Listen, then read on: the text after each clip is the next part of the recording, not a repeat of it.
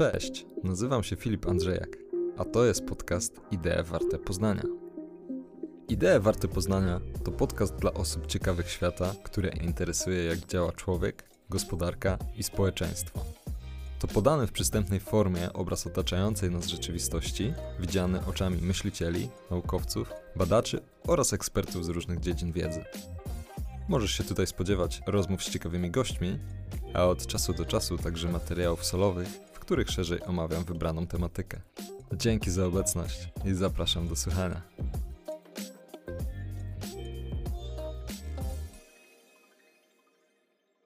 W 17 odcinku podcastu Idee Warte Poznania rozmawiamy o klimacie.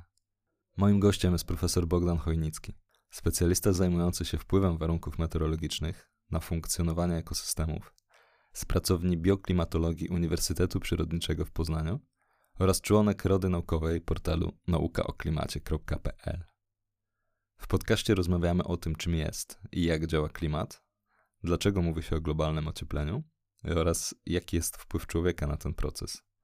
Następnie przechodzimy przez fakty i mity na temat funkcjonowania klimatu oraz dochodzimy do konsekwencji, jakie globalne ocieplenie będzie miało dla nas wszystkich. Zapraszam do rozmowy. Panie profesorze, bardzo dziękuję za przyjęcie zaproszenia do podcastu. Na początek chciałbym spytać w ogóle, gdyby mógł pan wytłumaczyć w jak najprostszy sposób, czym jest klimat i jak on funkcjonuje. O, e, pytanie dość obszerne. Klimat w zasadzie to jest tak naprawdę pewnego rodzaju wspomnieniem pogody. To bym powiedział bardzo, w bardzo dużym uproszczeniu. Bo tak de facto klimat to jest opis tego, co obserwowaliśmy przyjmuje się, że przez ostatnie 30 lat w pogodzie. I w zasadzie z tej perspektywy patrząc, to jest takie pojęcie trochę statystyczne. Takim analogiem, który, który zdarza się, że mm, gdzieś tam się pojawia, czy, czy podaje, jest po prostu taki charakter człowieka. Gdy znamy kogoś 30 lat, to mniej więcej wiemy, czego należy się po nim spodziewać. No i w zasadzie to jest dobry analog takiego, takiego pojęcia klimat.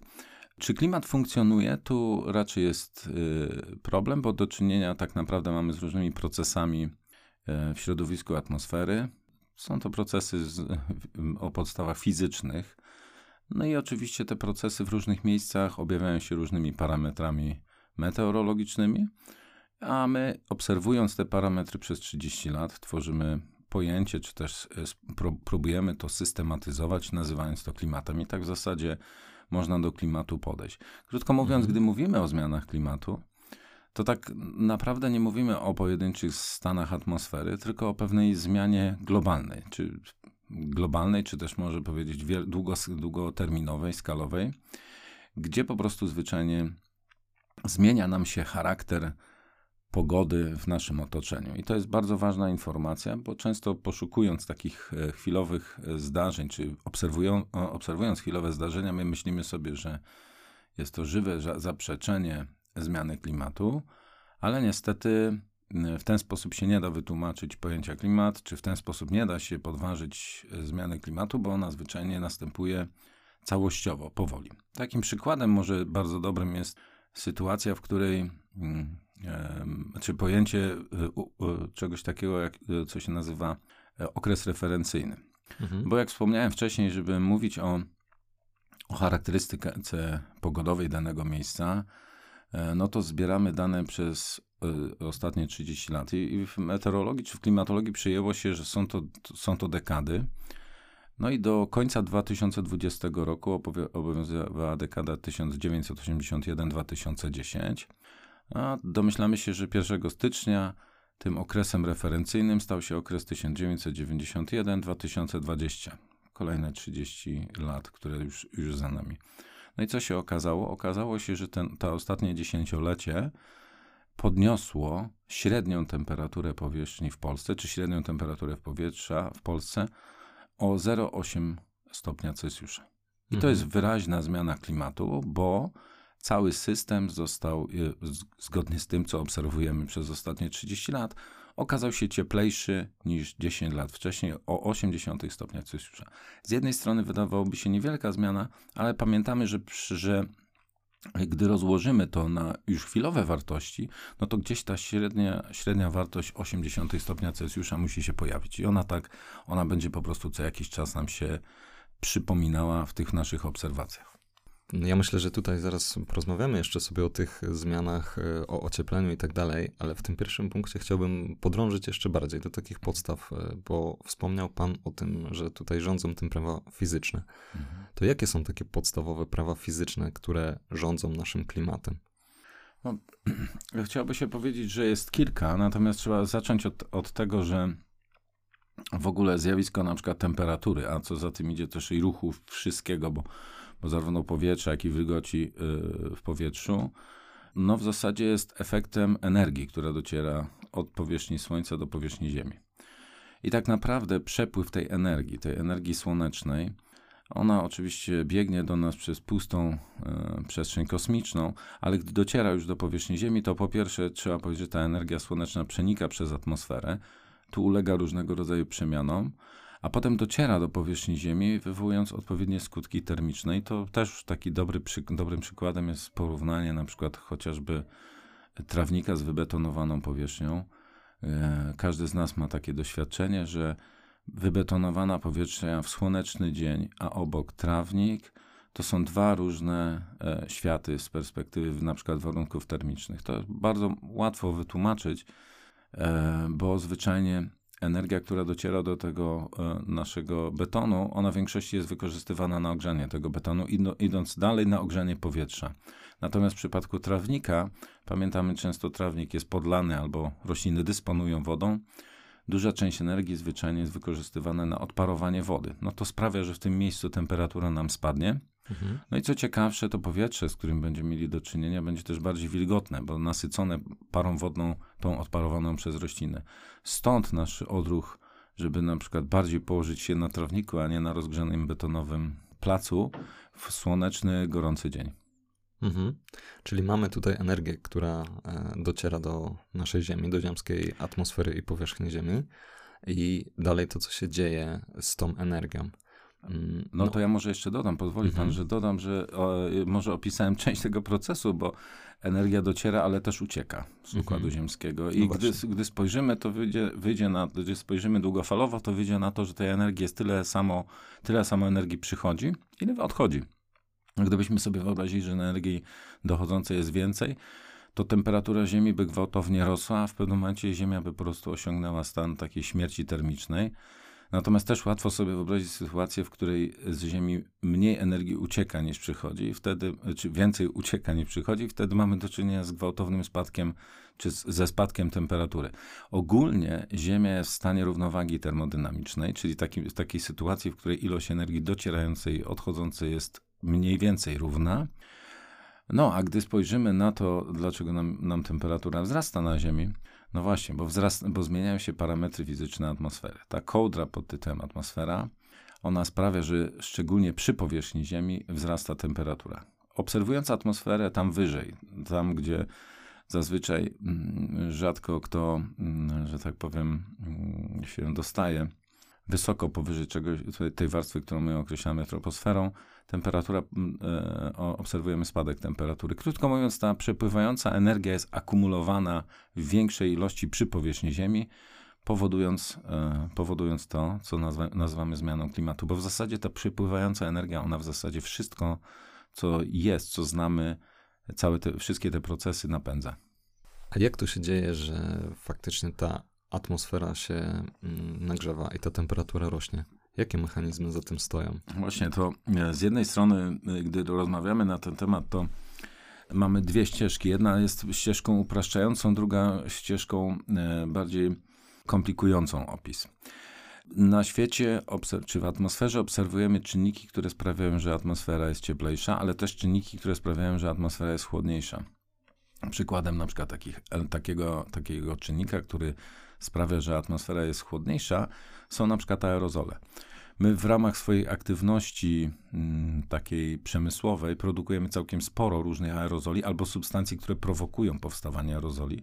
A żeby jeszcze dla, dla naszych słuchaczy, żeby dla, dla wiadomości naszych słuchaczy, aerozole to są, to są takie drobinki.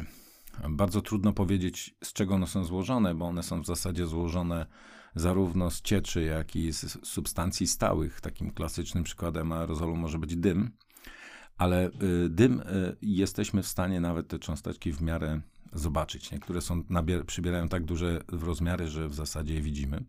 Natomiast aerozoli nie widzimy. Natomiast widzimy efekt działania aerozoli, szczególnie w, na przykład w letni, taki powiedzmy e, letni wieczór, podczas zachodu słońca.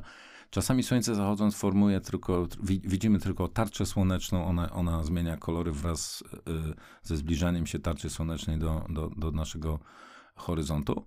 Natomiast czasami całe niebo zaczyna robić się czerwone i to jest taki efekt właśnie zakurzenia w cudzysłowie atmosfery albo obecności aerozoli.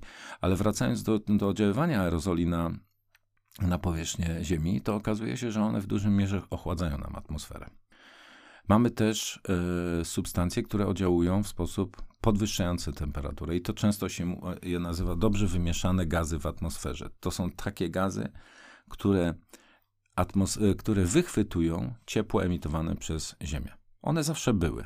Mhm. Tylko, że ostatnimi czasy y, robimy to w sposób, że tak powiem, bardzo intensywny, y, niezwykle skuteczny. Stężenie tych gazów podnosimy.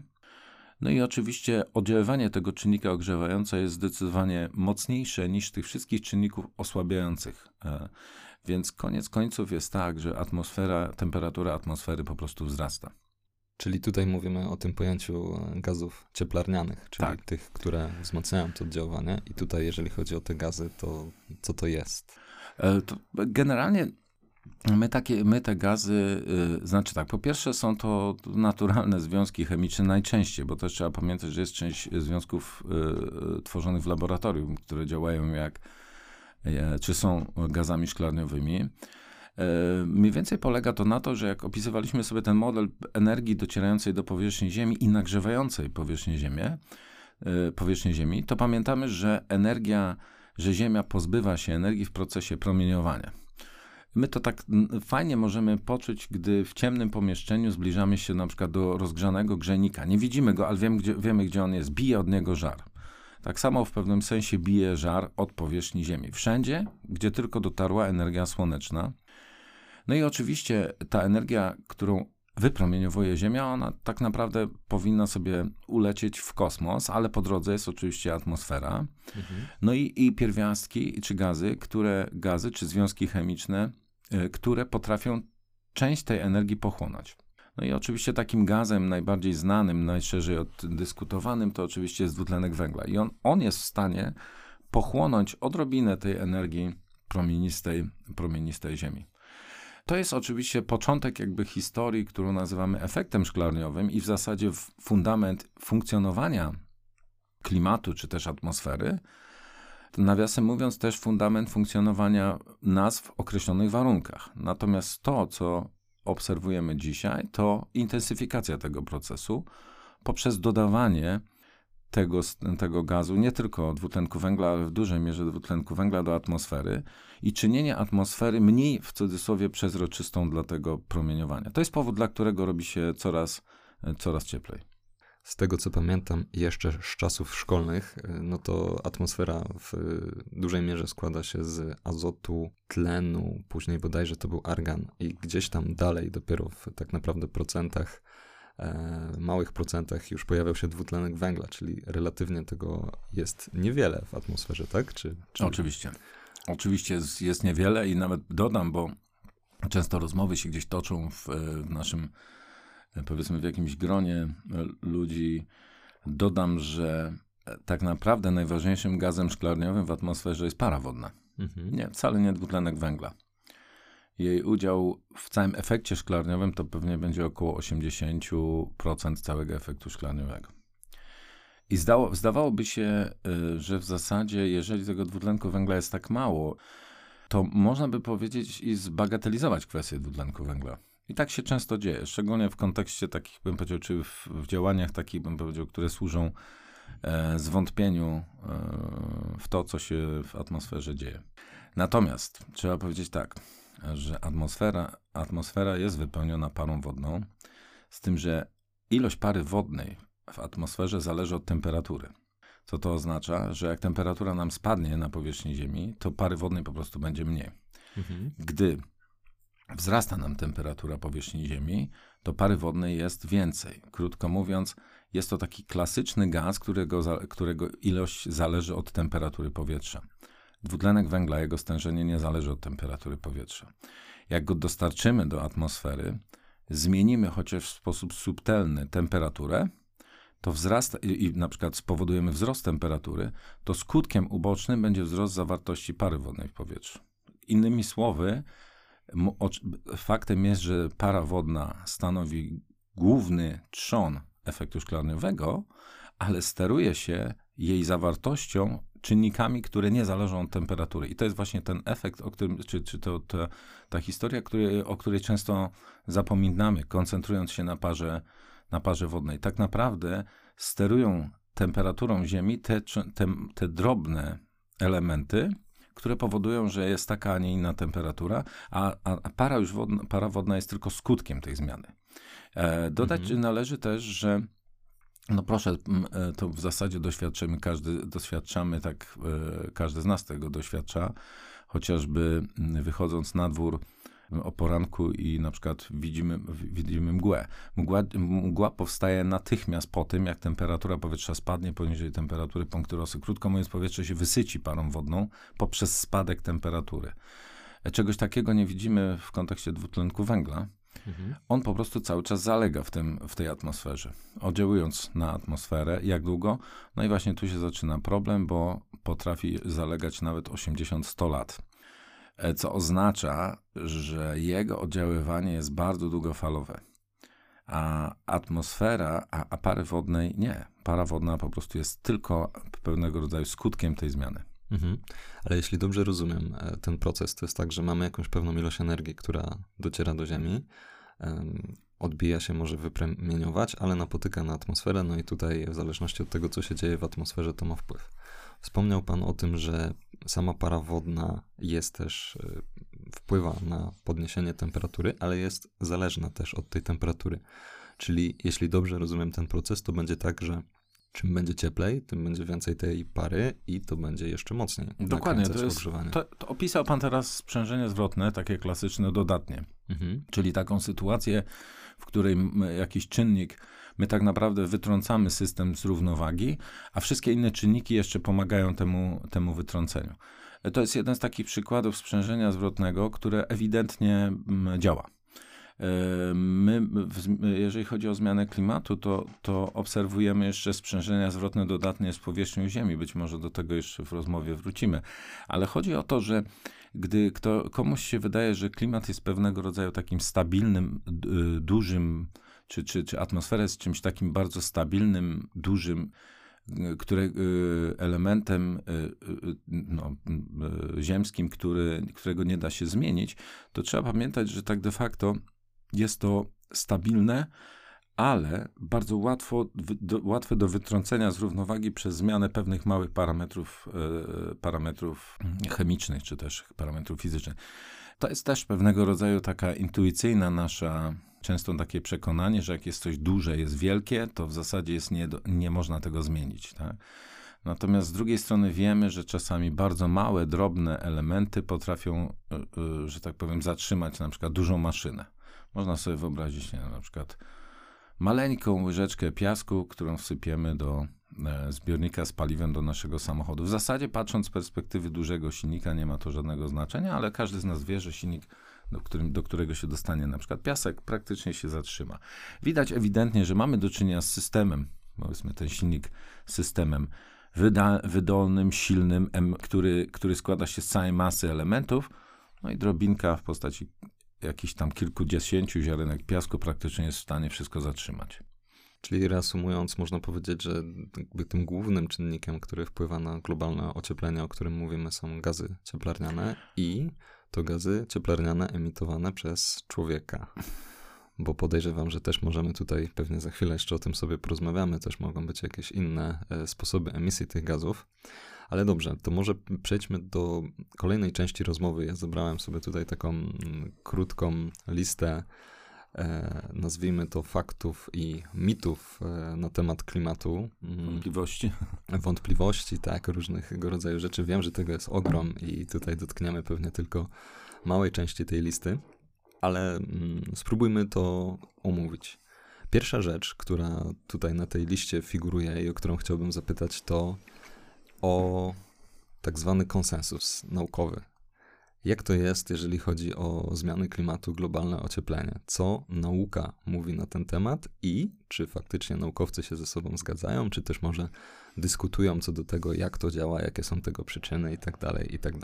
No tu y, dotyka pan bardzo ciekawego tematu, trochę też w nawiązaniu pewnie do e, nowego raportu IPCC, te, tego międzynarodowego panelu, czy -hmm. między, międzyrządowego panelu do zmian, do spraw zmian klimatu, bo my, gdy rozmawiamy o takiej dyskusji na temat tego, co się dzieje z klimatem, to co jakiś czas słyszymy taki głos typu, a ktoś powiedział, że to nie działa. No, szanowni Państwo, no chyba trzeba, chyba, chyba trzeba powiedzieć sobie w taki sposób, że mamy osoby na przykład, które wątpią na przykład w to, że Ziemia jest okrągła, mamy osoby, które wątpią w grawitację, chociaż Zazwyczaj tym, przez doświadczenie się szybko tego uczymy. I mamy, mamy osoby, które wątpią w działanie szczepionek na przykład. Taki na, na przykład na dziś, ale pamiętamy, że takich wątpiących zawsze jest cała masa i wszyscy są. I zawsze, gdy skupimy na nich swoją uwagę, to mamy do czynienia albo z geniuszem, albo z oszustem. E, no i oczywiście tutaj jest kwestia, być może jest osoba, która genialny, w genialny sposób i jest inaczej w stanie wytłumaczyć to, co się dzieje. Natomiast no, generalnie większości naukowców na świecie, większości, czyli 90 paru procentom naukowców, którzy się tym zajmuje na świecie, no na razie nie przedstawiono żadnej teorii, która by była, e, że tak powiem, przeciwna albo tłumaczyła inaczej to, co się dzieje. To jest ważna informacja, bo Wszystkie takie często sygnały, które się mówi, że nie ma konsensusu, one nie polegają na tym, że, że ktoś przedstawia teorię przeciwną, tylko sieje zwątpienie. To jest tak jak ze szczepionkami. Gdy mówimy o, o, działalności, o aktywności szczepionek, to proszę zauważyć, że większość osób, która się nie zaszczepiła, to nie osoby przeciwne szczepionkom, tylko osoby, które wątpią w szczepionki. Nie, mhm. nie, w tych często w rozmowie o zmianie klimatu e, nie ma, e, jest w zasadzie nie, chyba nie znam osoby, która by była przeciwna fizyce zmiany klimatu, bo ona jest udokumentowana i to naprawdę na, na, na tysiące różnych sposobów. E, natomiast wszystko, co się odbywa, to rodzaj siania zwątpienia. Zarządzanie w ogóle ostatnimi czasy światem polega na sianiu zwątpienia. Jak mówię, tutaj dobrym przykładem są ludzie, którzy się nie zaszczepili. Oni tak naprawdę zwątpili. Krótko mówiąc, utknęli między tak a nie. I to wystarczy, żeby za jakiś czas, gdy się ulegną infekcji, po prostu zwyczajnie będą mieli problemy zdrowotne. I to wystarczy tym, którzy to zamieszanie wprowadzają. Oni nie potrzebują 50% populacji Polski, która będzie, będzie kwestionować szczepionki. Im wystarczy 50%, 50% zwątpio, wątpiących. I podobnie jest tutaj. Gdy rozmawiamy o takim konsensusie naukowym, to ten raport IPCC pokazuje, że pod uwagę wzięte zostało przez te, w ciągu tego okresu kilkadziesiąt tysięcy prac naukowych, no i de facto temu się przedstawia na przykład sytuację, przedstawia jakąś, jakieś zwątpienie czyjegoś naukowca. Wątpić jest rzeczą naturalną, co do tego nie mamy wątpliwości. Tak trzeba robić, to jest najsensowniejsze rozwiązanie, nawiasem mówiąc, praca, na, praca naukowa to w większości przypadków mhm. zwątpienie, chyba że ktoś traci zdolność do wątpienia, wtedy ma problem, bo traci zdrowy rozsądek. Natomiast co innego jest wątpić i próbować odpowiadać na pytania, a co innego jest wątpić i oddawać się temu zwątpieniu, bo w zasadzie wtedy praktycznie nic nie działa. E, nic, co wokół nas, e, co wokół nas znamy, nie jest, nie ma, nie ma sensu. To jest, bym powiedział, bardzo ciekawy stan i de facto no, pewnie studia bardziej jakieś psychologiczne, ale przede wszystkim te studia związane z, z, z zarządzaniem ludzi, którymi, którymi łatwiej się zarządza, gdy wątpią, gorzej, y, gdy wiedzą. Czyli można powiedzieć, że no mamy pewne obserwacje fizyczne i to, co mówi y, większość naukowców i to, co mówi to, jaki jest konsensus, to jest wytłumaczenie tych zjawisk, natomiast Na, na, ci, na, którzy w to wątpią, nie podają jakiegoś innego wytłumaczenia dla Nie tego, ma. co się dzieje Nie, fizycznie. bo właśnie problem, problem polega na tym, że nie ma, nie ma takich wytłumaczeń fizycznych, które ja na przykład bym, którym można było się zapoznać. I to nie jest żadne zagłuszanie, bo czasami też opowiada się o tym, że ktoś tam ma jakąś teorię, ale go za- zagłuszają. Czasami się właśnie pojawiają jakieś takie koncepcje typu perpetuum mobile, nagle ktoś stworzył i nagle nikt go nie rozumie, albo jakaś duża korporacja, e, nie wiem, kupiła ten patent i ukryła. To też są takie historie, które się często opowiada. One wpisują się w pewien mit walczącego, e, po, pojedynczego, e, że tak powiem, człowieka, którego, którego gniecie system i to się wpisuje w, ten całą, w taką całą narrację że tak powiem, e, tych wątpiących. Natomiast problem polega na tym, że środowisko naukowe jest na tyle otwarte, że każdą rzecz można opublikować. No i tak naprawdę to nie jest tak, że, że znowu można sobie wyobrazić system, w którym wszystkie publikacje są nadzorowane przez odpowiednią radę i tak dalej. Niczego takiego nie ma. Na rynku publikacji istnieje potężna, czy bardzo szeroko rozumiana wolność, którą można, na- i oczywiście tę publikację można e, przedstawić. I szczerze powiedziawszy, ja, ja rozmawiam czasami z ludźmi, którzy opowiadają, że w zasadzie nie globalnego ocieplenia nie ma, albo zaraz się zrobi zimno. Też tak mówią.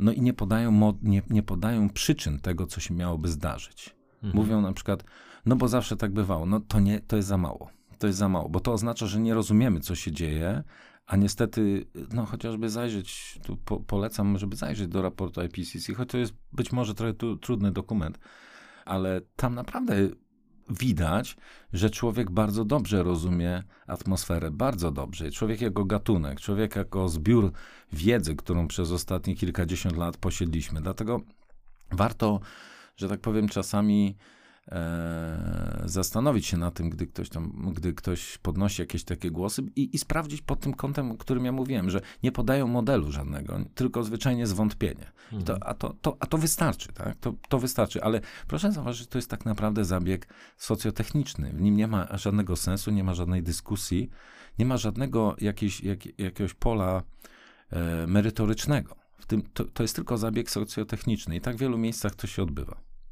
No dobrze, to idźmy dalej do tych e, faktów, mitów e, i wątpliwości. Tutaj po części Pan już o tym wspomniał, ale kolejna taka duża rzecz, która e, przynajmniej tak w mojej percepcji się rzuca mm, dla tych osób, które próbują siać to zwątpienie, to jest to, że właśnie klimat zmieniał się już wcześniej, to nie jest nic dziwnego na naszej planecie.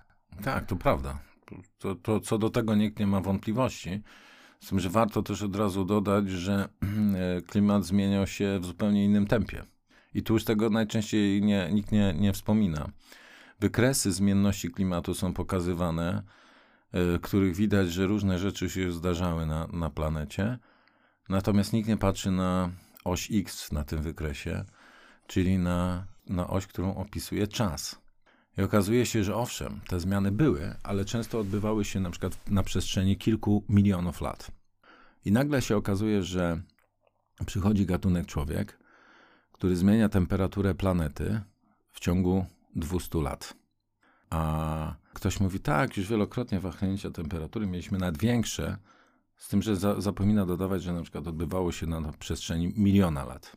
Proszę sobie zestawić milion ze stuleciem i proszę zobaczyć, że do czynienia mamy zupełnie z inną perspektywą czasową.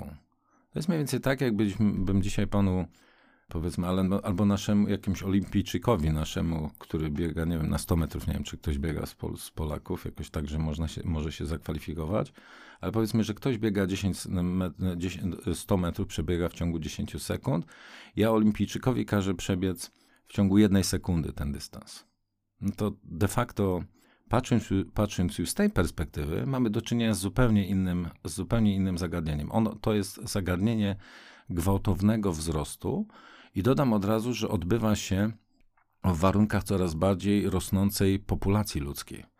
Czy to nie jest przyroda, którą sobie, to nie jest y, kula ziemska, którą sobie obserwujemy i być może wyginą dinozaury i zniknie trochę lasów, a pojawią się na ich miejsce sawanny albo tereny trawiaste, tylko tu na tej planecie mieszka, 9, mieszka prawie 8 miliardów ludzi. w perspektywie 2050 roku będzie już ponad 9, a mamy do czynienia z wahnięciem temperatury, gwałtowną ucieczką w górę, która nie miała precedensu w historii. I wtedy dopiero widzimy, że takie z jednej strony zwątpienia, a z drugiej strony e, banalizowanie pewnej historii zaczyna mieć, e, zaczyna zupełnie inaczej e, wyglądać. No, czyli można pewnie powiedzieć, że byłoby naiwnym sądzić, że Ziemia była w takim stanie, w jakim jest teraz przez te wszystkie miliony lat od jej powstania i te zmiany były bardzo dynamiczne, ale musimy do nich dokładać oś czasową. To idąc dalej jeszcze, bo tu też pojawia się taki wątek, no dobrze, a skąd my wiemy, y, czy my wiemy w ogóle, jak to było kiedyś, jak my to badamy, jak my to możemy porównywać? Wszystko zależy od dystansów czasowych, o których rozmawiamy. Ale rzeczywiście jest tak, że dużo na przykład dowiadujemy się, dużo dowiadujemy się z, z czap lodowych, które zalegają czy to na północy, czy na południu E, bo pamiętamy, że te, te warstwy e, śniegu, one przyrastają w zasadzie w cyklu rocznym i w nich są uwięzione bąbelki powietrza z, dawnych, e, z dawnego czasu. I na przykład chemię atmosfery jesteśmy w stanie w ten sposób badać daleko, daleko wstecz. To jest jeden z, jedna z metod takiego, takich E, żeby móc ocenić mm, na przykład temperaturę czy, czy stężenie dwutlenku węgla czy innych gazów w atmosferze wstecz. Gdy mówimy o starej, bardzo starej atmosferze, to już pamiętamy, że pozostają nam tylko skały i izotopy i to jest rzeczywiście ciekawe, bardzo interesujące, jak na przykład stwierdzić, że, że stężenie na przykład tlenu zaczyna rosnąć w atmosferze 2,5 miliarda lat temu, ale to po pierwsze trzeba sk znaleźć skałę starszą i młodszą niż 2,5 miliarda lat i na bazie, na bazie tych skał, na bazie analizy tych skał po prostu zwyczajnie stwierdzić, e, że tak powiem, często różnego rodzaju zdarzenia, które towarzyszyły pojawieniu się tlenu na przykład. Nauka geologiczna, bardzo ciekawa nauka, e, w której staramy się tą historię odtworzyć. I, oczywiście tam jest też duża, cała masa pytań i wątpliwości co do przeszłości y, Ziemi. Natomiast ja nadal y, będę troszeczkę parł ku teraźniejszości, w której te zjawiska, z którymi mamy do czynienia, one będą nam się objawiać i je będziemy musieli rozwiązywać. I y, my, my bardzo dużo wiemy na temat historii. Już nie mówię o historii klimatu, ale chociażby o historii naszej. Mm, naszej e, cywilizacji, czy, czy, czy, czy, powiedzmy, czy społeczeństwa polskiego.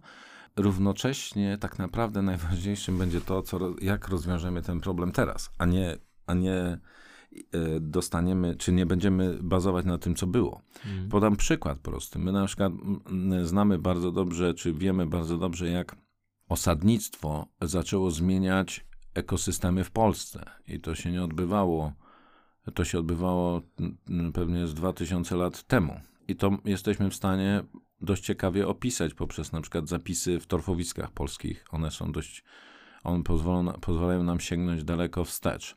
I wiemy, że to osadnictwo oddziaływało na środowisko, na przykład poprzez wypalanie e, lasów.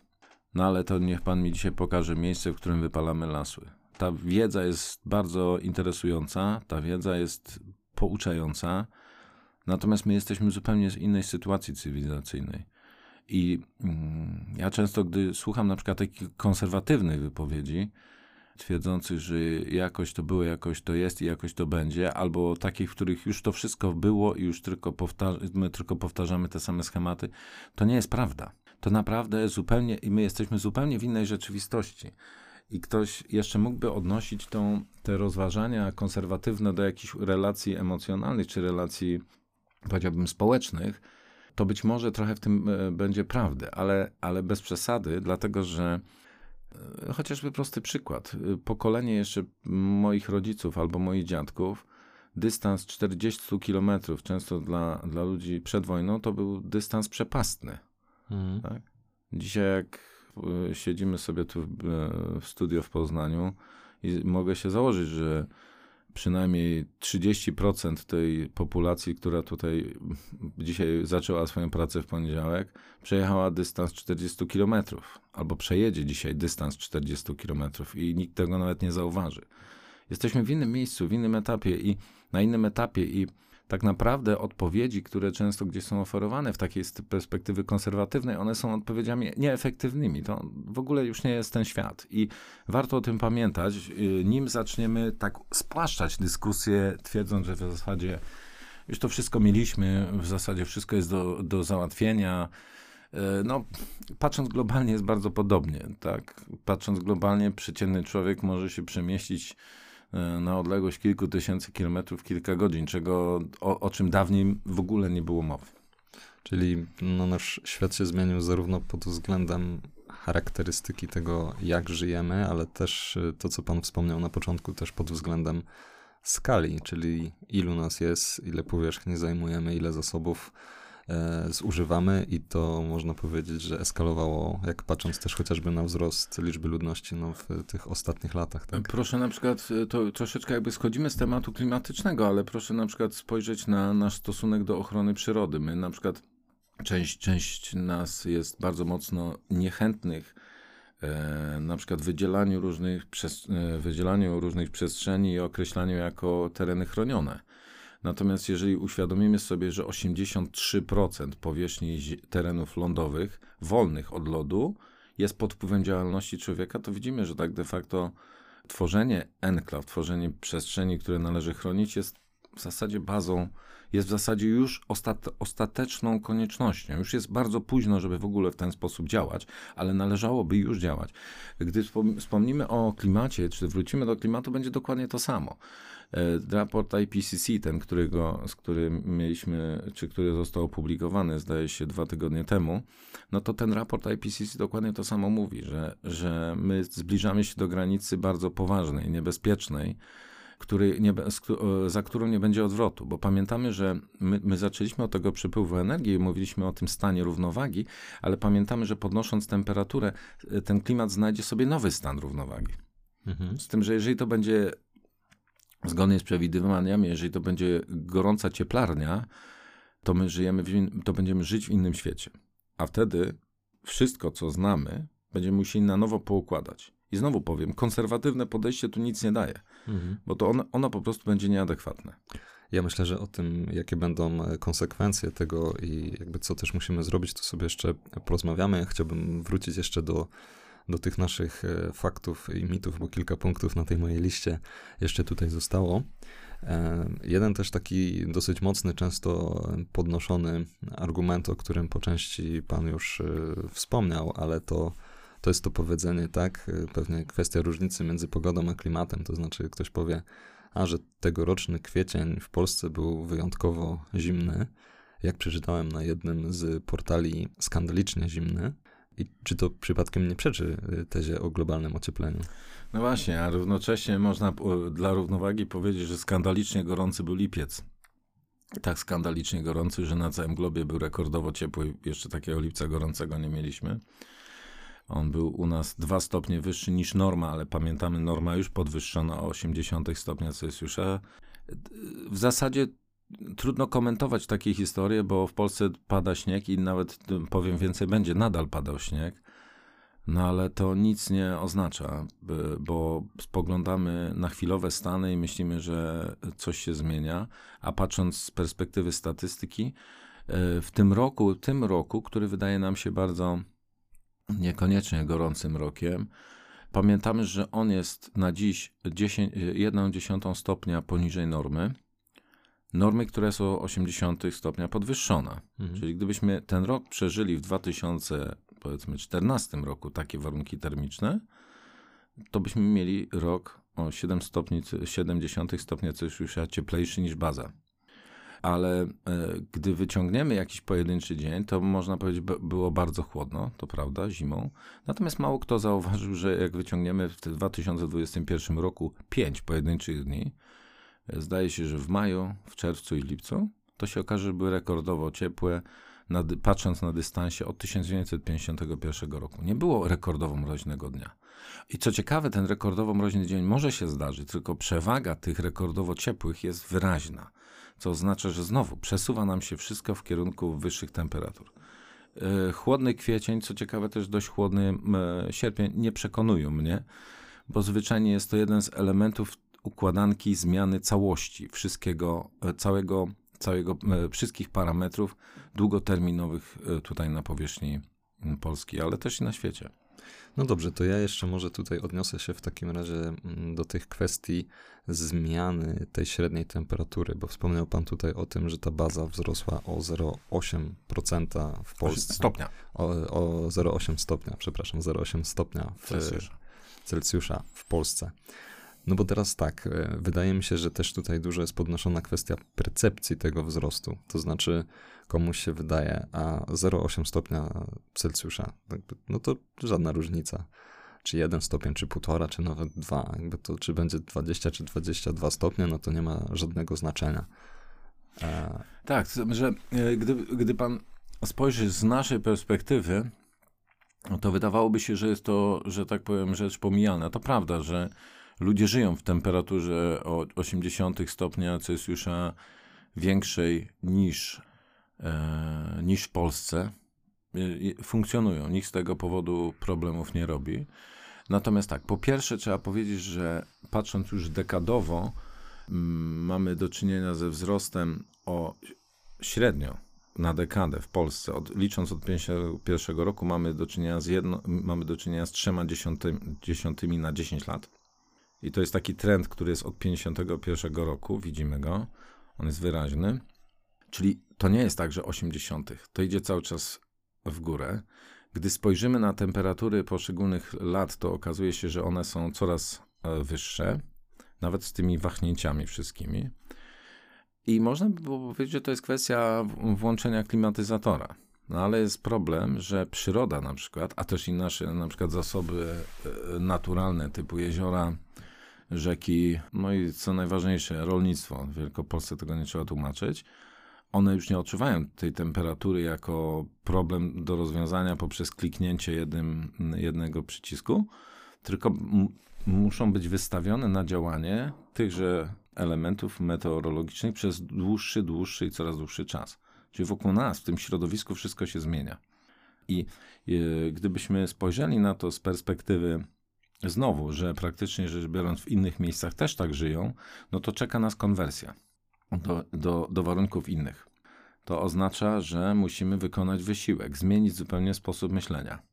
Lub, gdy nie zmienimy sposobu myślenia, będziemy cały czas konserwatywnie myśleć, że ok, w porządku, robiłem to przez ostatnie 100 lat i teraz następne 100 lat też tak będę robił, to trzeba pamiętać, że zaczniemy ponosić ponosić straty.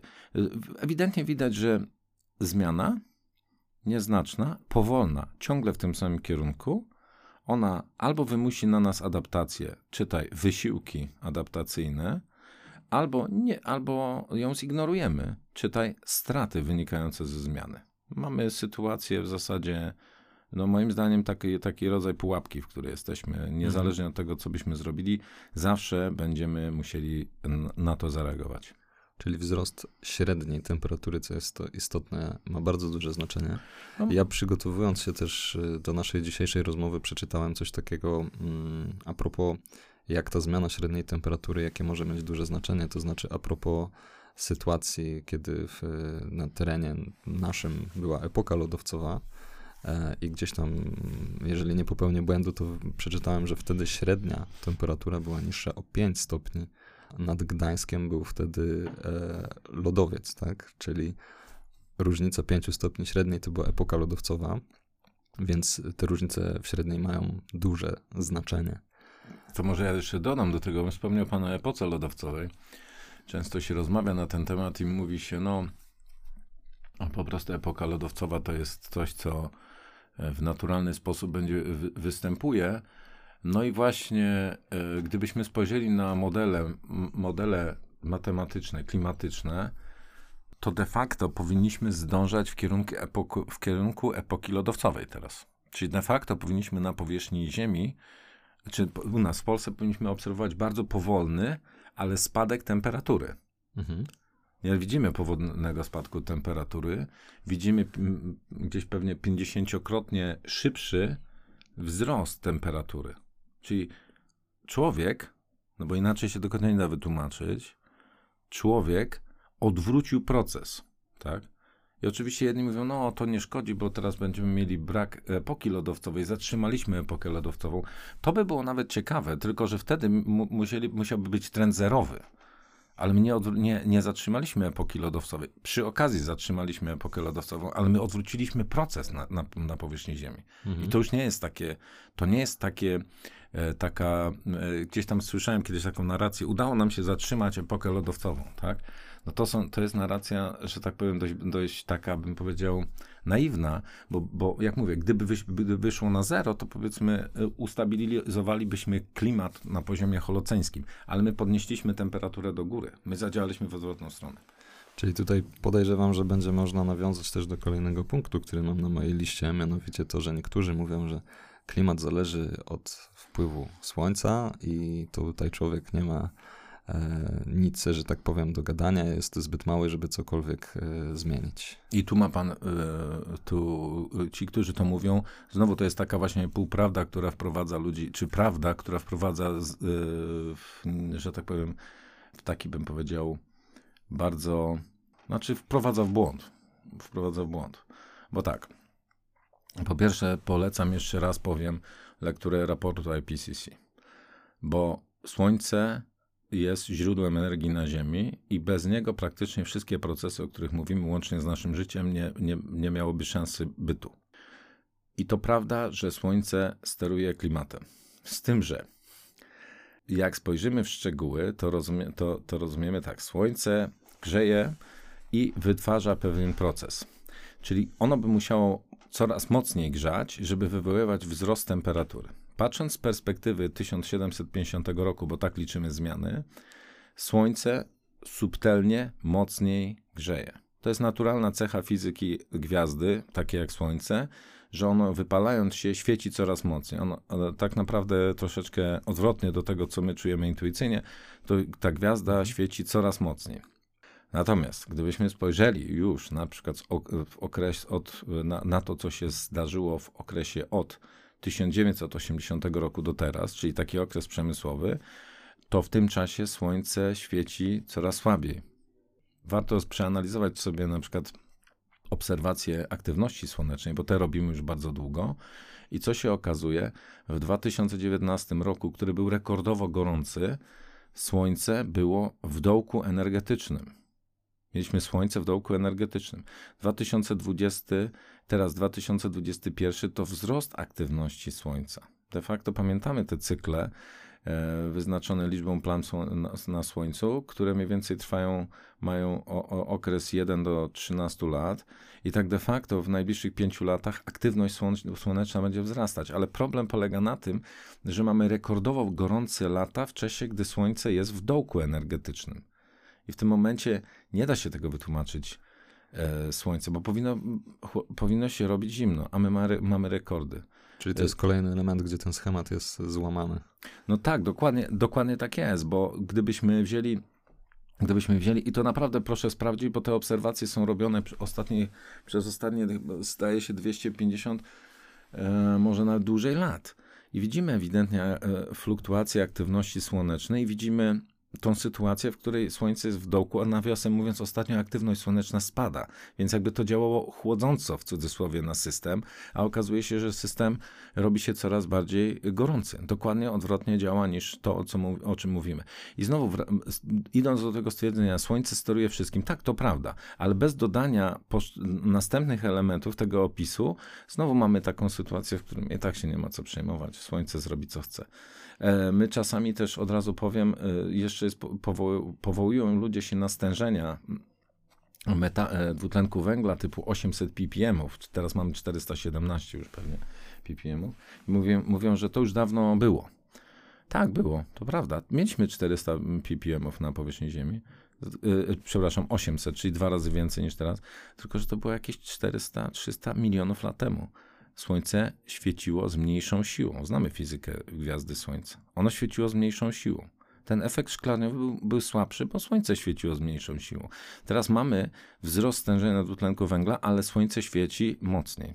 No więc 800 ppm nie będzie miało takiego skutku jak dawniej w postaci palm, które później zapadały się pod wodę i tworzyły złoża węgla. Nic takiego się nie zdarzy. Po prostu brniemy w kierunku y, ziemi szklarni, ziemi, w której powierzchnie pustynne ziem, y, się pojawiają w większej, miejsc, w większej ilości miejsc, ziemi, które, w których w wielu miejscach się po prostu nie da zwyczajnie żyć. Tak? A jednocześnie populacja ludzka rośnie. No dobrze, to teraz mm, idźmy dalej tą listą i może tak y, zgodzimy się teraz, że to dwutlenek węgla faktycznie wpływa, ale moglibyśmy powiedzieć, że to wulkany emitują ten dwutlenek węgla i to ma większe znaczenie niż emisje człowieka. To zgoda, tylko że wulkany emitowały dwutlenek węgla jeszcze przed czasem, e, przed czasem, gdy pojawił się człowiek. Tak? Nie ma czegoś takiego, że aktywność wulkaniczna nagle wzrosła. To byśmy wiedzieli. Tak? Byśmy widzieli nagły wzrost aktywności. Co, wulkanicznej. Co gorsza, aktywność wulkaniczna, patrząc długofalowo, geologicznie spada, bo ona rzeczywiście kiedyś była o wiele większa. Krótko mówiąc, business as usual, tak? Jak to się mówi, jak to się mówi. emisja dwutlenku, dwutlenku węgla z wulkanów dawniej istniała i teraz istnieje a, a, mamy zmianę. Jeżeli się nic nie zmienia w czynniku, no to trudno wyobrazić sobie, że zmiana następuje miałaby nastąpić w systemie, jeżeli czynnik się nie zmienia. Tak nawiasem mówiąc, gdy porównamy emisję wulkanów z emisją człowieka, to się okaże, że one już zaczynają być pomijalne i to jest problem. To rzeczywiście e, spektakularny wybuch jednego wulkanu rzeczywiście robi wrażenie, ale patrząc z perspektywy gospodarki człowieka i emisji potężnych, które on generuje, de facto już wulkan nie robi wrażenia. To jest kolejny, lat na to, na, kolejny taki dowód na to, jak, jak zmieniła się relacja człowieka-środowisko. My naprawdę, e, wykopując z ziemi materiały, które pozwalają nam pozyskać energię, my naprawdę zmieniliśmy absolutnie rzeczywistość. I tu nie jest kwestia tego, czy, czy my umiemy lub bardziej lub przepraszam, mniej sobie podporządkować rzeczywistość. Tu raczej jest kwestia tego, na ile my się powinniśmy cofnąć, albo na ile powinniśmy nabrać umiaru bo robimy po prostu, przerabiamy tą całą ziemię tak skutecznie, że naprawdę po jakimś czasie będziemy mieszkać w krajobrazie rolniczo-miejskim e, z odrobiną zieleni zaaranżowaną e, w charakterze jakiejś bonsai. No dobrze, to wróćmy jeszcze do naszej listy faktów i mitów. E, mam tutaj takie trzy punkty, trochę związane już bardziej z naszą gospodarką ludzką, z tym, co my robimy a mianowicie punkt pierwszy, jaki tutaj wymienię, to jest hodowla zwierząt, krów i świń produkuje więcej gazów cieplarnianych niż cały transport. To e, w zasadzie chyba tak nie jest. Raczej bym powiedział, są to wartości takie, że hodowla krów i świń to jest gdzieś połowa tego, co emitowane, e, emisji, które, którego doświadczamy e, w transporcie. Tak bym trzeba powiedzieć. Nawet, nawet jeżeli by te wartości były porównywalne, to o jednej rzeczy musimy pamiętać. No, trochę musimy e, wrócić do początku rozmowy na temat dwutlenku węgla.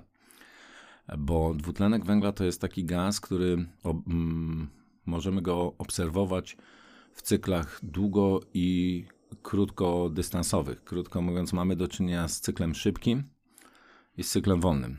To spróbuję opowiedzieć, jak wygląda cykl e, na przykład wolny. 400 milionów mniej więcej lat temu, 350-400 milionów lat temu, pojawia się e, proces fotosyntezy. Zaczyna się objawiać, znaczy on się objawił już pewnie 2,5 miliarda lat temu, ale wtedy tworzą się złoża węgla, gazu ziemnego i, i, i ropy naftowej, co oznacza, że jakieś 300-400 milionów lat temu dwutlenek węgla został usunięty z atmosfery w bardzo skuteczny sposób poprzez, poprzez rozwój roślinności, tak w skrócie można powiedzieć i pewne zdarzenia o charakterze geologicznym, takie zapadanie się, mm, zapadanie się tych złóż pod, pod ziemię. Tego procesu dzisiaj nie ma. Natomiast przez te ostatnie 300 milionów, lat ten dwutlenek węgla zalegał bardzo głęboko pod powierzchnią Ziemi i w zasadzie był, pozostawał nietknięty.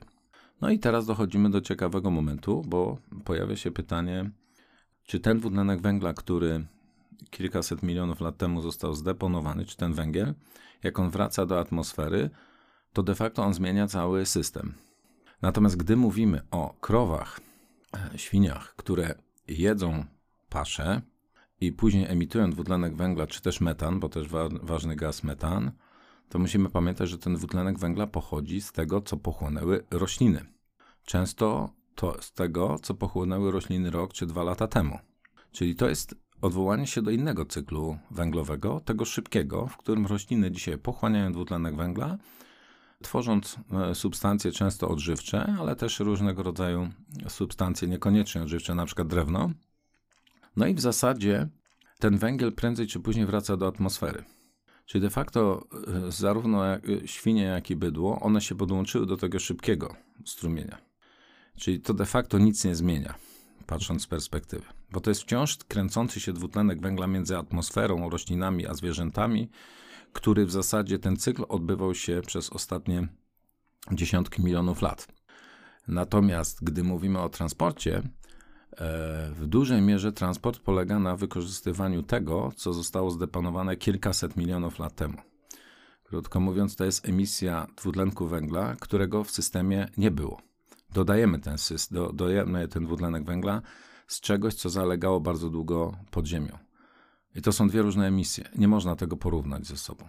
Mhm. Poniekąd to jest też trochę tak jak z ludźmi. Wydawałoby się, że ludzie emitują dwutlenek węgla przez oddychanie. My tutaj siedząc e, w studio emitujemy dwutlenek węgla, ale proszę pamiętać, że ten dwutlenek węgla pochodzi z roślin, które pochłonęły ten dwutlenek węgla. Gdyby nie było emisji z transportu, na przykład z samochodów czy z, z sektora energetycznego, to de facto moglibyśmy powiedzieć, że kółko się zamyka. I w zasadzie, gdy mówimy o, o, tej, o, o tym dwutlenku węgla, to pamiętamy, że 300-400 lat temu też emitowaliśmy. No, no bo ten dwutlenek węgla był pochłaniany przez rośliny, po czym wracał do nas w postaci pożywienia i my znowu emitowaliśmy ten dwutlenek węgla do atmosfery.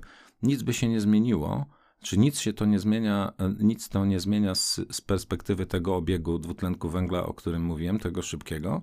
Natomiast w przypadku transportu czy źródeł energii, które korzystają z dwutlenku węgla, tego starego w cudzysłowie, którego nie było w e, e ekosystemie przez ostatnie kilkaset milionów lat, no tutaj pojawia się nowy dwutlenek węgla. To nie są te same, to nie są te same, to nie jest w cudzysłowie ten sam dwutlenek węgla. Czyli to, co wyciągnęliśmy z podziemi, wykorzystywaliśmy jako źródło energii, przy okazji e, wprowadziliśmy ten dwutlenek węgla, który był tam przez miliony lat e, uwięziony. Dokładnie tak jest. Czyli zmieniamy fizykę atmosfery w bezprecedensowy sposób. Krótko mówiąc, my jako gatunek ludzki, e, my jako, jako człowiek, zmieniamy atmosferę poprzez emisję czegoś, co przyroda przez setki milionów lat nie pozwalała na, e, że tak powiem, na, na, przez emisję czegoś, czego przyroda, co przyroda przez miliony lat przechowywała po prostu pod, pod naszymi stopami.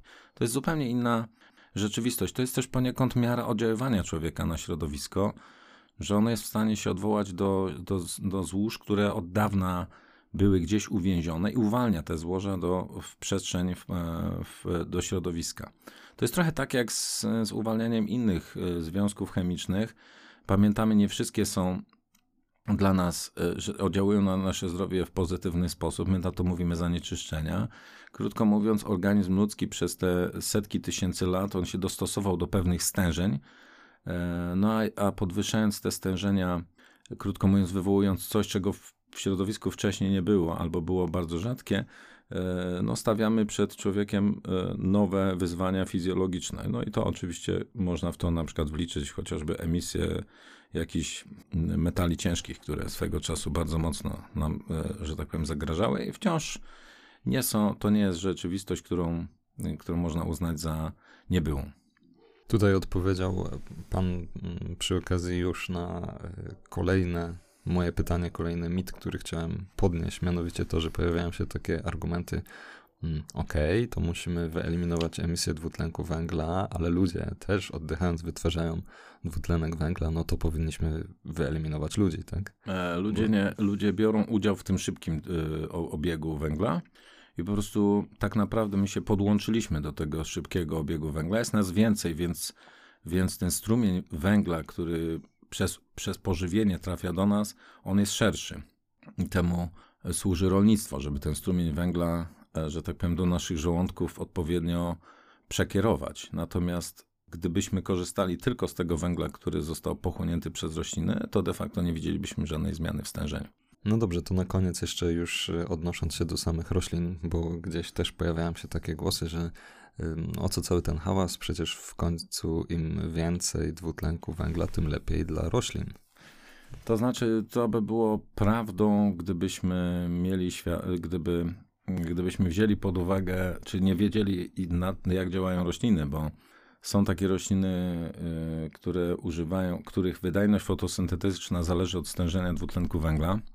I tu my je określamy mianem C3. I te rośliny mogłyby lepiej rosnąć w warunkach większego stężenia. Na przykład rośliny, y, ale już rośliny typu C4, inny typ fotosyntezy, im de facto dla nich nie ma znaczenia, jakie jest stężenie dwutlenku węgla w otoczeniu. Krótko mówiąc, pszenica może rosnąć troszkę lepiej, nawożona w cudzysłowie dwutlenkiem węgla, natomiast kukurydza nie będzie rosła trochę lepiej, bo ona w zasadzie stężenie na zewnątrz rośliny nie ma żadnego znaczenia na, na skuteczność procesu fotosyntezy. Ale y, warto, żeby, warto o tym wspomnieć, bo to jest taki moment, w którym my myślimy, że o fajnie, no, nawozimy dwutlenkiem węgla, więc jest wszystko, wszystko dobrze. Natomiast musimy wrócić trochę do początku naszej rozmowy i do wzrostu temperatury. No i w przypadku na przykład, tak weźmy sobie Wielkopolski, może jest więcej dwutlenku węgla i że te rośliny mogą sobie lepiej rosnąć, ale równolegle wyższa temperatura, znowu powiemy dobrze, bo rosną szybciej rośliny, bo tam, gdzie jest cieplej, te rośliny sobie się szybciej rozwijają. A co z niedoborem wody? A, bo właśnie wzrost temperatury to także coraz większy niedobór wody w środowisku. I tu zaczyna się problem, bo roślina nie żyje tylko dzięki dwutlenkowi węgla, albo nie żyje tylko z powodu odpowiedniej temperatury, ale jest cały, cały zespół czynników, które wywołują wzrost lub zamieranie roślin. Jeżeli wzrasta nam temperatura, na przykład w Wielkopolsce, a równocześnie nie zmieniają się opady, to oznacza tyle, że wody w środowisku jest coraz mniej. Statystycznie coraz trudniej zdobyć wodę w środowisku. I możemy pod dostatkiem mieć nawozów, pod dostatkiem dwutlenku węgla, a zadziała, zadziała prawo Libiga, które mówi, że czynnikiem warunkującym rozwój czy funkcjonowanie jest ten, którego jest najmniej. I wcale to nie musi być dwutlenek węgla, tylko to będzie czynnik, na przykład w naszym przypadku woda. Okej, okay, to już może zakończmy tą część związaną z faktami, mitami. Dalej chciałbym przejść i porozmawiać jeszcze chwilę tutaj o konsekwencjach, jakie będzie dla nas niosło globalne ocieplenie i to, jak wpływamy na klimat. E, tutaj ten opublikowany w sierpniu raport IPCC pokazywał różne scenariusze, także to też jest pewnie w różnym e, zakresie e, możemy na to patrzeć. Ale mam tu kilka punktów takich wypisanych, podstawowych, które gdzieś tam się znalazłem, mówiąc o tym, może nie w samym e, raporcie, bo to chyba dalsze części też będą e, w przyszłym roku, pojawią się w 2022, które szerzej te tematy omówią, ale chciałbym zahaczyć ten wątek. Na liście mam kilka takich rzeczy i gdyby Pan mógł je wyjaśnić i też opowiedzieć o tym, jak one są powiązane z tym globalnym ociepleniem. Pierwszą rzecz, którą tam mam, to mamy ekstremalne zjawiska pogodowe. No to w sumie poznaniakom nie, nie trzeba tego tłumaczyć. W tym roku mieliśmy ekstremalne zjawiska pogodowe. Zalało nam dużo, znaczy niektóre części Poznania. Nawiasem mówiąc, często nowe osiedla, nie te stare, które by się wydawały, że są robione według starego schematu klimatycznego, ale nowe, które wydawałoby się, że powinny być przygotowane na takie zdarzenia. To też oznacza, to jest pytanie na przykład dla nas, w jakim my jesteśmy miejscu cywilizacyjnym, że my budując dzisiaj nowe budynki, popełniamy te same błędy. W którym miejscu jest na przykład nasza technologia budowy domów. Te ekstremalne zjawiska pogodowe, one się, one się, one się będą nasilać. To także w Polsce. I oczywiście można powiedzieć, że ekstremalne zjawiska pogodowe najczęściej mają charakter lokalny. A natomiast gdy sobie przypomnimy rok 2017 i to słynne tą wichurę mezoskalową, którą Amerykanie określają mianem Bowico, czyli takiego potężnego frontu, który w zasadzie z nieznanych naukowcom przyczyn nagle przyspiesza i, i prędkości są prędkości osiągane są, są w, takim, w takim froncie bardzo, bardzo olbrzymie, no to my praktycznie straciliśmy 96 tysięcy hektarów lasu. Takie są statystyki.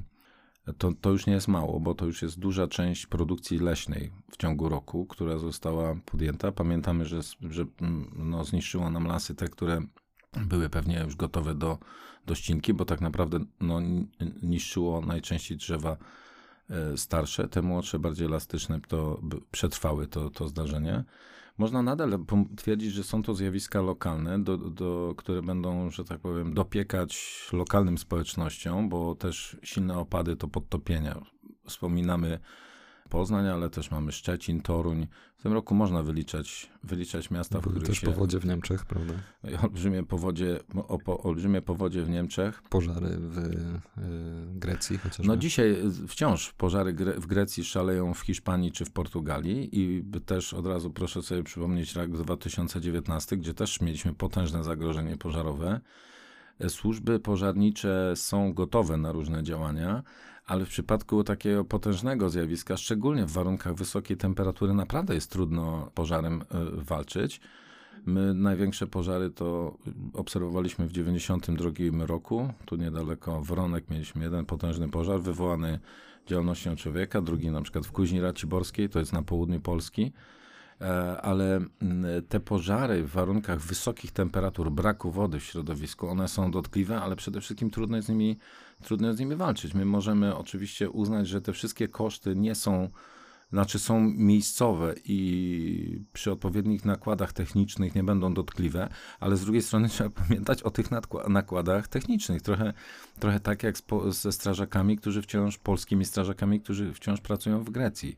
Grecja to nie jest państwo upadłe, to nie jest państwo cywilizacyjnie zacofane, no jednak potrzebowało pomocy e, działań dodatkowych służb e, pożarnych. Nawiasem mówiąc, gdy spojrzymy do raportu IPCC, to całe Śródziemie jest pokryte z perspektywy wzrostu temperatury bardzo czerwonym kolorem, co oznacza, że problem związany z, e, z wysoką temperaturą i braką, brakiem wody E, będzie tam się nasilał, więc nie, należy się spodziewać w Śródziemniu naprawdę dużych ilości pożarów. Pytanie, kiedy ludzie stwierdzą, że, jest, że tam nie warto żyć, bo wtedy będziemy mieli do czynienia z, zwyczajnie, z, zwyczajnie z, z migracją. I e, oczywiście, znowu powiem, Śródziemie jest bogatym miejscem, przynajmniej ta północna część Morza Śródziemnego. Natomiast w przypadku biednych regionów świata, tam gdzie jest naprawdę mhm życie już jest trudne, takie sytuacje, gwałtowne zjawiska pogodowe, one naprawdę mogą bardzo dużo zmienić. Trochę mówię to o tym w kontekście Haiti, które doświadczyło kolejnego trzęsienia ziemi. No to, to niekoniecznie związane ze zmianą klimatu, ale y, które w tym roku może, do, może doświadczyć na przykład następnego huraganu. Tak? Więc ta, ten, ten rodzaj, ta ilość tych, czy często prognozy, które mówią o większej częstotliwości zjawisk ekstremalnych, z jednej strony można powiedzieć, poradzimy sobie, a z drugiej strony trzeba powiedzieć ostrożnie. Po pierwsze, możemy sobie nie poradzić, a po drugie, społeczeństwa ubogie, te, które, mm, które naprawdę mają mało, że tak powiem, do zaoferowania, te mogą sobie w ogóle nawet nie podejść do, do zagadnienia, bo po prostu zwyczajnie to będzie ich przerastać. No właśnie, ja myślę, że o tych migracjach jeszcze sobie chwilę porozmawiamy, bo to mam też jako osobny e, punkt, bo to pewnie będzie się odnosić do wszystkich kwestii tutaj poruszonych w tych konsekwencjach. Natomiast jeszcze, jeżeli chodzi o te ekstremalne zjawiska pogodowe, chciałem zapytać o tą kwestię, dopytać jakby, ale mm, tak na tym poziomie fizycznym, jakby z czego to wynika? Czy to jest jakiś wzrost bilansu energii w atmosferze? Proszę, czy... E, proszę, to jest odpowiedź jest taka, proszę spojrzeć na energię niesioną przez huragany. Te bardzo pouczające, te huragany, które obserwujemy na przykład w Stanach Zjednoczonych pouczająca i bardzo złowróżna, że tak powiem, wizja, bo wzrasta ta ilość energii niesionej przez huragany. Jakby mechanika zjawiska jest stosunkowo prosta. Oczywiście w szczegółach jest niezwykle zawiła, ale stosunkowo prosta. Wyższa temperatura oceanu większa ilość energii w huraganach. Większa ilość energii w huraganach, albo mamy do czynienia z dużym huraganem kategorii piątej, który w zasadzie na, na swojej drodze niczego nie zostawia, czy po, po przejściu nie pozostawia niczego, albo mamy więcej mniejszych huraganów. Obie, oba warianty nie są optymistyczne. W obu wariantach tą energię, którą wygenerowano w E, czy większą ilość energii wygenerowaną, bo woda w, w, w, Atlantyku cieplejsza, będzie, będzie musiał przyjąć ląd, a tym samym często i gospodarka, i ludzie. I to bym powiedział, gdy spojrzymy znowu na nasze warunki, to proszę pamiętać, że wzrost temperatury nie jest tylko banalnym wzrostem temperatury, ale w przypadku, gdy powietrze nie zawiera w sobie dużej ilości pary wodnej, na przykład rok 2018, 2019, 2015 i 2016, no to objawi nam się potężną suszą. Mhm.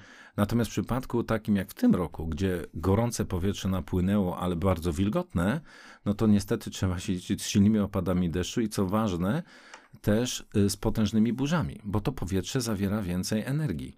To powietrze z południa, ono co jakiś czas tu do nas e, w cudzysłowie zagląda, no i właśnie robi to, co robi. To są te zjawiska ekstremalne. Im wyższa temperatura, czym częściej należy się spodziewać takich gości z południa.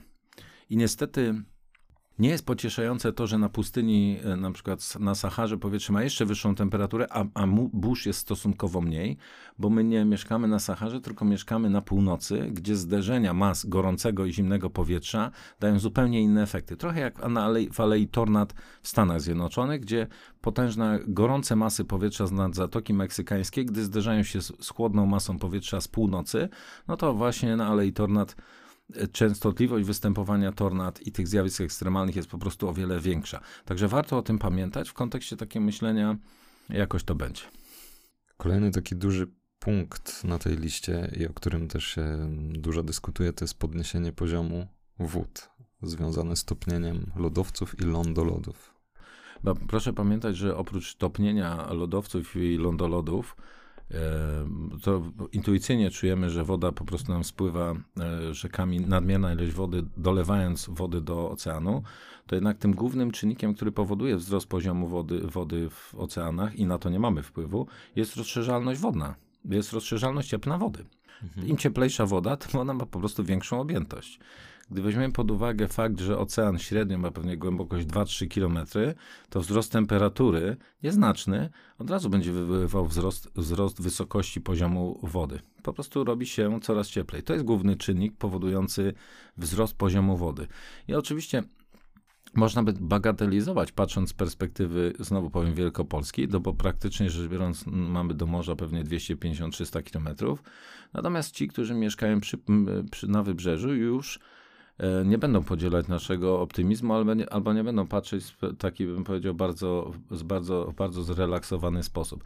Jak dołożymy do tego, że to nie jest przykład Polski, ale inny, ale przykład na przykład Azji, gdzie duża część populacji znajduje się w zasięgu podwyższonej wody morskiej. Co gorsza, tam są tereny uprawne, które mogą być zalane. Na przykład w pojawienie się tajfunu może wepchnąć nam tą większą ilość wody w głąb lądu, no to zobaczymy, że sytuacja może stać się dramatyczna, bo możemy uzyskać taki efekt, w którym woda wleje nam się na tereny uprawne w ubogich krajach, gdzie praktycznie sytuacja e, natychmiast zrobi się dramatyczna. Tak? Więc warto o tym pamiętać. Y, nie, nie, nie widać tego z perspektywy Polski, ale my wielu rzeczy z perspektywy Polski nie jesteśmy w stanie zobaczyć, natomiast globalnie nas to dotknie. Trochę nawiązując do sytuacji, która się odbywa na naszej granicy, że wojna w Afganistanie wydawałoby się daleko gdzieś od nas, no wywoła efekt taki, że gdzieś na naszych granicach pojawia, pojawią się uchodźcy. O tym warto pamiętać. To wszystko jest ze sobą wzajemnie powiązane. Żyjemy w globalnej wiosce. Mhm. No dobrze, to też pan tutaj po części powiedział, bo na liście mamy też y, same właśnie zagrożenia związane z życiem i funkcjonowaniem ludzi, tak? No bo duże fale upałów y, nie są przyjemne, ale też w ekstremalnych stopniach mogą być trudne do przetrwania po prostu. No liczymy 50, powyżej 50 stopni żyć się w takich warunkach nie da. No trochę tak, jakbyśmy przebywali w wiecznie chłodnej saunie. To jest niemożliwe. Ale dodam do tego, co też jest bardzo niepokojące i to, to, co powinniśmy wziąć pod uwagę, w tym roku na Sycylii zaobserwowaliśmy 48,8 stopnia Celsjusza. No to już do 50 bardzo blisko. Oczywiście Sycylia to jest, to jest wyspa na Morzu Śródziemnym i oczywiście e, Morze Śródziemne paru, odparowujące wodę będzie łagodzić skutki, natomiast te ta intensywność upałów ona będzie narastać, bo wzrasta temperatura globalnie, co oznacza, że statystycznie częściej no te, te, te e, zagony gorącego powietrza trafią także do Polski. Podejrzewam, że to też będzie miało negatywny wpływ e, chociażby na e, rolnictwo, naszą faunę, naszą florę. Już się mówi o tym, że jakieś inne typy roślin zaczną się pojawiać, czy powinny zacząć się pojawiać u nas. Już są. Są, chociażby aleksandryty, te, te jakie spektakularne papugi, które są ładnie zielonego koloru. potrafią, potrafią gniazdować, co ciekawe, składać jaja, więc oczywiście na początku będą to pojedyncze przypadki, ale po pewnym czasie mogą się upowszechnić. Ale powiem dalej, że gdy mówimy o, o, o zwierzętach, to sytuacja jest na tyle inna, bo zwierzęta potrafią się poruszać. A co z gatunkami, które nie potrafią, co, co z organizmami, które nie potrafią się poruszać, czyli wszystkimi roślinami? Tam, gdzie rosły przez ostatnie 100 czy 200 lat, na przykład drzewa, nagle zmienia im się klimat. Jakie są granice adaptacji e, takich organizmów? No i tu no, odpowiedź jest prosta. Niektóre granice adaptacji zostaną przekroczone. Swego czasu profesor Jagodziński czy, czy profesor Dyderski, oni opublikowali pracę, w której wskazują na to, że gatunki pewne polskie będą nam się wycofywać z lasów. To trzeba wziąć pod uwagę w przyszłości, bo las nie rośnie w ciągu jednego roku, tak jak na przykład kukurydza. Mhm.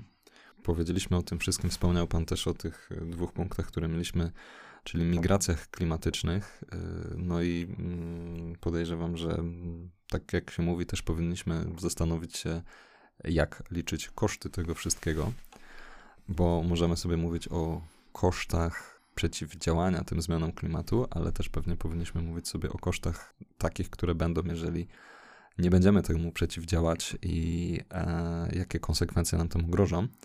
No dobrze, ale już tak y, teraz idąc powoli do końca naszej rozmowy, to co my, jako ludzkość, już szeroko mówiąc, musimy zrobić, żeby móc te zmiany powstrzymać? Pytanie, czy jeszcze możemy je powstrzymać, ewentualnie przyhamować, czy sprawić, żeby miały dla nas mniejsze konsekwencje? No, to jest dobre pytanie. Po pierwsze, raport IPCC mówi o jakimś dystansie rzędu 20 lat, którym możemy, w którym możemy y, wyhamować. E, my de facto mamy dwie ścieżki równolegle, które będą realizowane. Z jednej strony adaptacyjną, bo, bo tak naprawdę część mleka już się zupełnie rozlała. Będziemy musieli się dostosowywać do warunków, w których na przykład brakuje coraz bardziej wody w krajobrazie. U nas w Polsce absolutnie to będzie, będzie widoczne czyli będziemy musieli inwestować w, chociażby w retencję. I mam tu na myśli taką małą retencję, która dotyczy, nie wiem, gminy, miasteczka. Także w miastach retencja, która będzie się objawiać ogrodami deszczowymi, a nie tylko upakowaniem bloku jednego obok drugiego i przykrytego wszystko betonową, betonową powierzchnią, bo widać w tym roku ładnie, jak nowe osiedla nie, potrafi, nie potrafiły się obronić, co jest co jest takim już bym powiedział sygnałem dramatycznym, że naprawdę jest nie, nie jakby nie, nie dano, czy, czy, czy nie za bardzo zrozumiano, czego należy się spodziewać. Natomiast Natomiast gdy mówimy o ścieżce adaptacji, czyli dostosowania do tego, co jest, to jest jedna ścieżka, a druga przeciwdziałanie.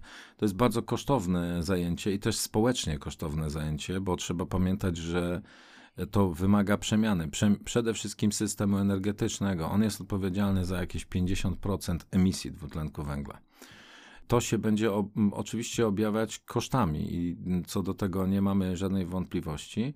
Natomiast tak jak powiedziałem wcześniej, mamy taki wybór, że albo zaczniemy tracić, i wtedy będziemy, że tak powiem, notować straty, albo zainwestujemy w zmianę, też pewnie w zmianę swoich przyzwyczajeń, bo być może nie musimy że tak powiem, pokonywać codziennie 200 kilometrów samochodem. Być może też czekają na zmiany społeczne, myślenie o tym, żeby mieszkać bliżej pracy albo więcej działać czy pracować w internecie. To się to koronawirus bardzo dobrze nas tego nauczył. E, no to wszystko razem będzie musiało zmniejszyć emisję tu wspomnianego wcześniej dwutlenku węgla. Na pewno energetyka, na pewno transport. Tu odczujemy największą potrzebę i w zasadzie widać największą potrzebę globalnie, żeby, żeby to zmienić. Czyli krótko mówiąc, powinniśmy przestać emitować gazy cieplarniane, ale nawet gdybyśmy zrobili to od jutra i przestali, to i tak będzie trzeba pewne działania dostosowawcze prowadzić, bo to, co już wpompowaliśmy do atmosfery, sprawia, że i tak jeszcze będziemy się podgrzewać. Gdybyśmy dzisiaj obniżali temperaturę, to dzisiaj gdybyśmy wyzerowali emisję, to na pewno jeszcze przez e, pewnie 10 lat byśmy czuli, jeszcze byśmy obserwowali wzrost temperatury. Później by ona, ona, ona będzie wyhamowywać i, i zacznie spadać. Atmosfera to jest fizyka. Atmosfera to jest człowiek, który tą te parametry fizyczne zmienił w kierunku coraz wyższej temperatury, ale to jest też ten człowiek, który może tą atmosferę odwrócić temperaturę e, odwrócić trend wzrostu temperatury przez swoje działania. Tylko proszę pamiętać, powyżej tych dwóch stopni, o których mówimy, półtora, dwóch stopni, praktycznie rzecz biorąc nie ma odwrotu bo się uruchamiają inne systemy y, wspomagające zmianę klimatu i wtedy możemy, mo, może być taki problem, że w zasadzie pozostaje nam tylko przetrwać, tylko walczyć o przetrwanie. Ja wiem, że to źle brzmi, tak bardzo, bardzo darwinistycznie, no ale jak wspomnieliśmy wcześniej o kosztach społecznych, no to one po prostu będą narastać. Czyli jesteśmy już blisko tej granicy, po której zmiana, którą wywołaliśmy w klimacie, sama się nakręci i będzie poszukiwać nowej równowagi, ale takiej równowagi, która e, najprawdopodobniej no, nie będzie zbyt przyjazna dla nas. No, to znaczy, że ona będzie nieprzyjazna, to jest oczywiste, a przede wszystkim zmienią się wszystkie schematy, a zmiana wszystkich schematów, czyli takie tąpnięcie tektoniczne, to jest, to jest praktycznie pewien sygnał, który się przetoczy przez wszystkie społeczeństwa. I oczywiście teraz, żeby była jasność, to nie jest jeden dzień, utąpnięcie w jeden dzień. To nie jest trzęsienie ziemi. To jest, to, to jest pewna zmiana, która będzie narastać, presja, która będzie coraz bardziej, coraz bardziej widoczna. Gdy nałożymy na to, jeszcze raz wspomnę, ten wzrost populacji ludzkiej i zapotrzebowanie tychże ludzi, którzy urodzili się na wszystko, bo to trudno sobie wyobrazić, że nagle będzie, będą jedni mieli dostęp do wszystkiego, a drudzy będą, nie wiem, żyli w jakiejś takiej skrajnej, skrajnym ubóstwie no to praktycznie rzecz biorąc mamy dwa wykluczające się elementy. Z jednej strony wzrost zapotrzebowania, z drugiej strony coraz większe ograniczanie poprzez, poprzez różnego rodzaju e, czynniki czy, czy oddziaływania, e, oddziaływania takie na, na przykład natury klimatycznej. To nie buduje, to nie buduje e, wizji przyszłości zrównoważonej i pełnej spokoju, a raczej odwrotnie, wizję przyszłości, w której mamy do czynienia, czy musimy się spodziewać no, takich zdarzeń bardzo gwałtownych. nie chciałbym użyć słowa może, albo troszkę powiem, trochę jednak dramatycznych. Warto o tym pamiętać, bo, bo, bo takie traktowanie, że to już kiedyś było, jest naprawdę nie, nieadekwatne. Zupełnie jest nie na miejscu. No po prostu jest, sytuacja jest zupełnie nowa. To też stawia takie potężne wyzwania przed, przed nami wszystkimi, bo musimy sami sobie zadać pytanie, jak funkcjonować w nowej rzeczywistości a ta rzeczywistość nigdy wcześniej nie istniała. Stare odpowiedzi nie, nie muszą zadziałać i w większości nie zadziałają. Trzeba będzie poszukać nowych. Mhm. Jeszcze już tak zupełnie na koniec, to odwołując się do przyszłości, no bo utopijnym jest myślenie to, że jutro mm, zlikwidujemy wszystkie nasze emisje, to po prostu się nie wydarzy. Ale jak pan myśli, jak będzie ta przyszłość wyglądać? Czy kolokwialnie mówiąc, ogarniemy się i zaczniemy działać, czy czy nie? Czy jest pan tutaj optymistą, pesymistą, czy, czy jakimś realistą? Chciałoby się powiedzieć realistą. E, chciałoby się powiedzieć realistą, ale e, bo to w zasadzie e, zawód naukowiec to jest ciągła próba myślenia w kategoriach real, realistycznych, co nie zawsze się, że tak powiem, udaje. Ja mi się wydaje, że tak. Y, po pierwsze, trzeba zmienić sposób myślenia, szczególnie to widać w Polsce, że transformacja energetyczna to jest obciążenie, strata, kłopoty, negatywne zmiany. Gdy spojrzymy na to jak na szansę, na rozwój, na zmianę cywilizacyjną, to wygląda na to, że możemy z tego jeszcze mieć korzyści.